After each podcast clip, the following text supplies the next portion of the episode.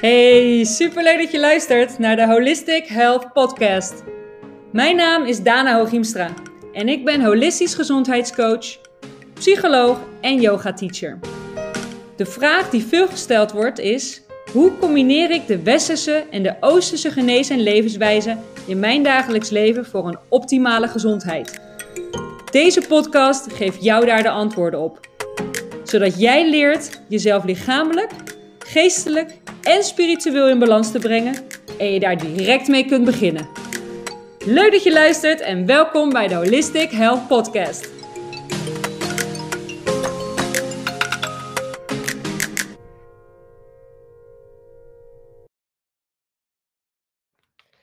Hey, hallo.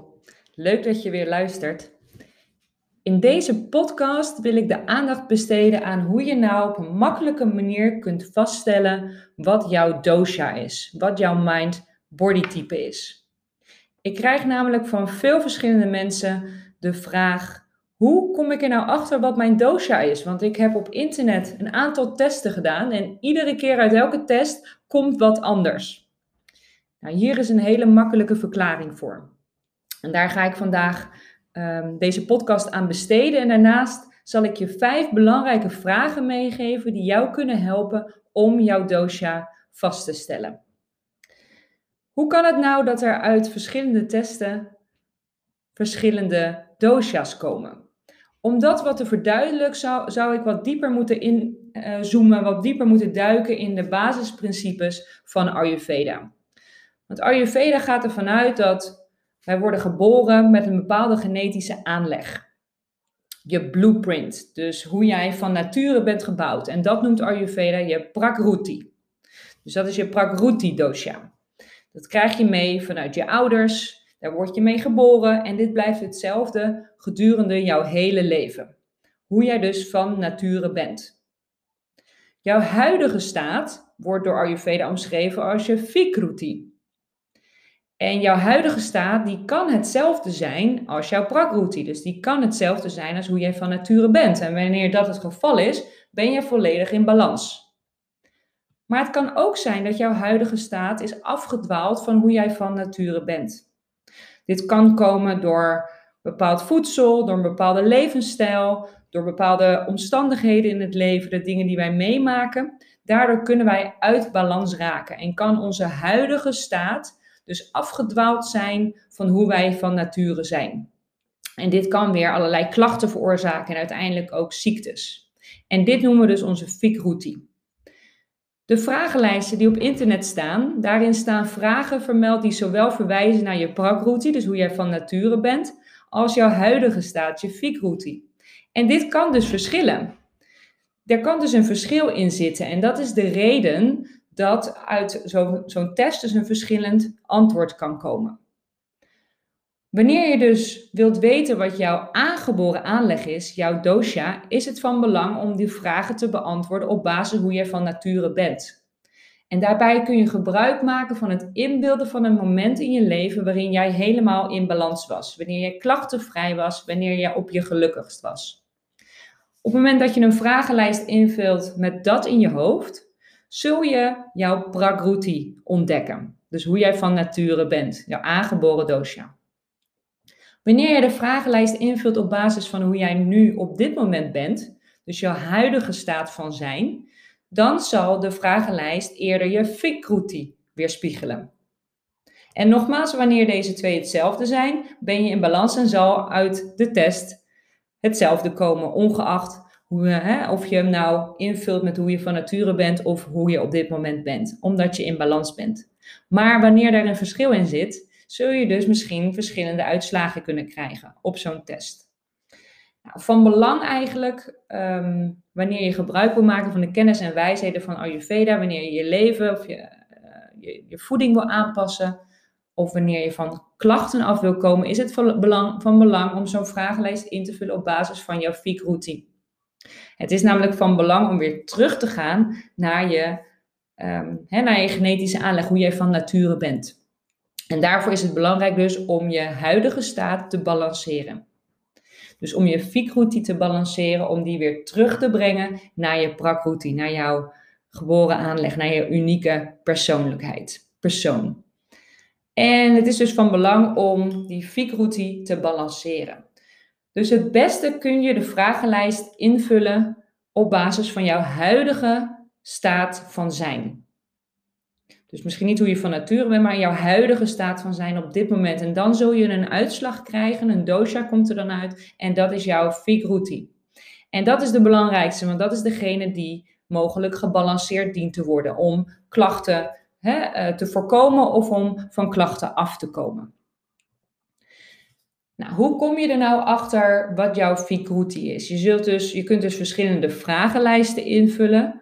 Maar eigenlijk uh, heb je al een heel goed beeld door het antwoord te geven op vijf belangrijke vragen. En deze vijf belangrijke vragen ga ik met jullie delen, zodat je die aan jezelf kunt stellen om zo een beter beeld te krijgen van wat is mijn fikruti, wat is mijn huidige staat van zijn, mijn huidige dosha.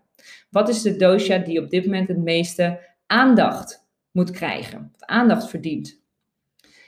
En het zijn vijf vragen. En de eerste vraag is, hoe is jouw stoelgang? Hoe is jouw stoelgang? En wanneer die stoelgang onregelmatig is, dus als je last hebt van een opgeblazen gevoel, uh, gasvorming, constipatie of als je ontlasting droog is, dan is er sprake van een vata-onbalans. En wanneer jouw stoelgang te actief is, wat betekent dat je losse ontlasting hebt, wat meer vloeibare ontlasting, diarree, dan is er sprake van een pita-onbalans. En wanneer jouw stoelgang te traag is, dus weinig, en als je dan ontlasting hebt, dan is het slijmerig of plakkerig, dan is er sprake van een kappa-onbalans. De volgende vraag is: hoe is jouw eetlust?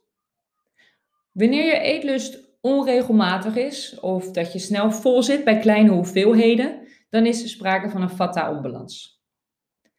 Wanneer jouw eetlust te sterk is of wanneer je snel hangry wordt, dus wanneer je moody en zagrijnig wordt als je honger hebt, dus als je boos wordt wanneer je honger hebt, dan is er sprake van een pitta-onbalans. En wanneer je niet zozeer lichamelijke trek ervaart, maar echt emotionele trek, dus echt emotionele eters, dan is er sprake van een kapha-onbalans. De volgende vraag is, hoe slaap je? Wanneer je erg licht slaapt of wanneer je bijvoorbeeld wakker wordt in het midden van de nacht, dus een uurtje of drie, vier, of last hebt van insomnia, dus slapeloosheid, dan is er sprake van een vata-onbalans.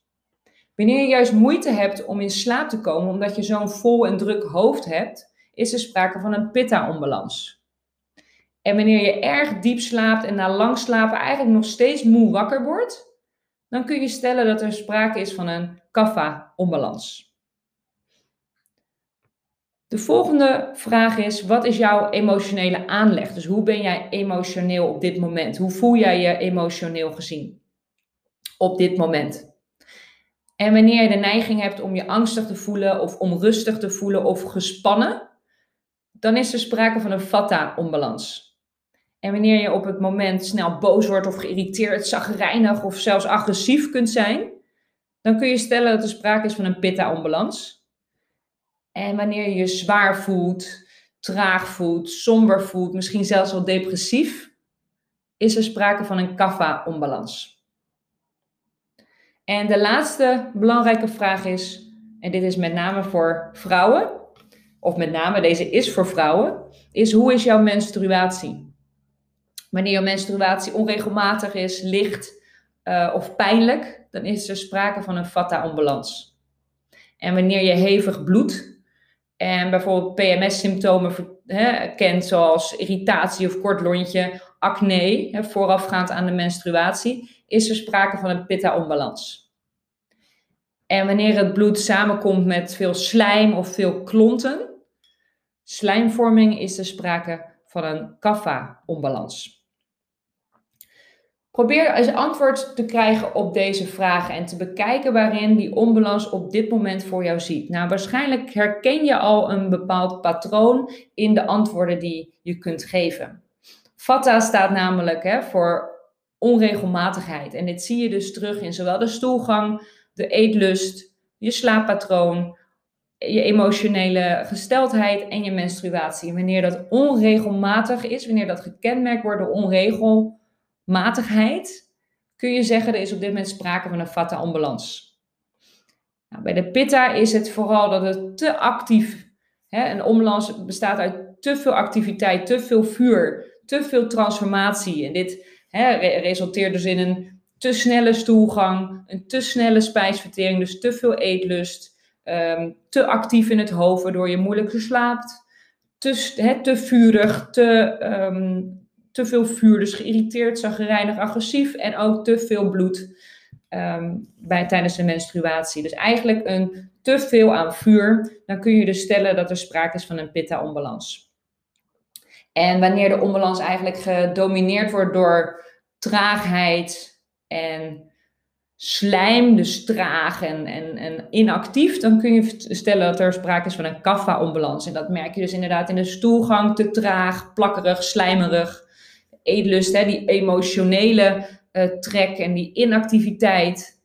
Uh, het slapen is diep en lang en nog steeds vermoeid. Emotioneel is het traag en somber en zwaar. En ook de menstruatie komt samen met slijm en um, klonten. En dan kun je dus spreken van een kaffa-onbalans. Dus je ziet heel duidelijk deze vijf gebieden, zie je dus de kwaliteiten van de dosha's terug.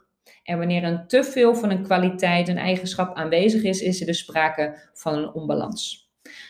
Op deze manier kun je dus vaststellen bij jezelf wat jouw fikruti is. Dus wat jouw huidige staat van zijn is. En deze kan dus afwijken van jouw prakroutine. Wat is nou eigenlijk, hoe zou je nou een eigenschap, hè, het onderscheid tussen de prakroutine-eigenschap en een fikroutine-eigenschap kunnen zien? Nou, je zou kunnen stellen dat bij een fikroutine, dus bij een afdwaling van je normale uh, staat van zijn, je, je genetische aanleg, zijn het vaak de negatieve eigenschappen die een rol spelen. Dus als je bijvoorbeeld kijkt naar de kwaliteit scherp, die bij Pitta heel erg passend is, dat kan bij de Prakruti, uh, kan dat zich uiten in een, een intellectueel, een scherp intellect. En dat is weer een positief geformuleerde eigenschap. Maar wanneer het uit balans raakt, dat, de scherpte, dan zou het dus kunnen leiden tot agressie en perfectionisme bij uh, de Fikruti. Dus je zou kunnen stellen dat de kwaliteiten van de dosha's bij de Prakruti veelal uh, een positieve uitingsvorm hebben. En bij de fikrotie veelal um, een negatieve uitingsvorm hebben. Wanneer daar verschil tussen zit, tussen de prakrotie en de fikrotie. Nou, ik zou zeggen, ga je lekker mee aan de slag. Probeer deze vragen voor jezelf te beantwoorden. En probeer deze vraag ook in je achterhoofd te houden en deze informatie in je achterhoofd te houden wanneer je wel besluit om op internet een test te doen. Nou, kom je hier nou echt niet uit, vind je dit nou heel lastig, dan kun je altijd contact met mij opnemen. En dan kan ik je helpen om meer duidelijkheid te geven wat nou jouw prakroute, fikroute is. En wat dus slimmere keuzes zijn in jouw mindset, voeding en leefstijl om die vakroute fikroute te balanceren. Zodat jij gewoon weer je unieke zelf wordt, je gezonde zelf, zonder klachten, zonder ziekte. Dus wil je hier hulp bij, neem dan gewoon even contact op met mij. Er, ik kan altijd een gratis, ik bied altijd een gratis kennismakingsgesprek aan. Dus mocht je hierin geïnteresseerd zijn, neem dan even contact op uh, via de mail info at of stuur me een berichtje op Instagram, at Dana Heel veel plezier met het ontdekken van jouw dosha en ik zie je, spreek je volgende week weer. Fijne dag! Bedankt dat je luisterde naar mijn podcast. Mocht je een vraag hebben of ergens hulp bij nodig hebben, stuur mij dan even een berichtje. Dit kan je doen via mijn Instagram, Dana of laat een berichtje achter op mijn website www.danaholistichealthcoaching.com.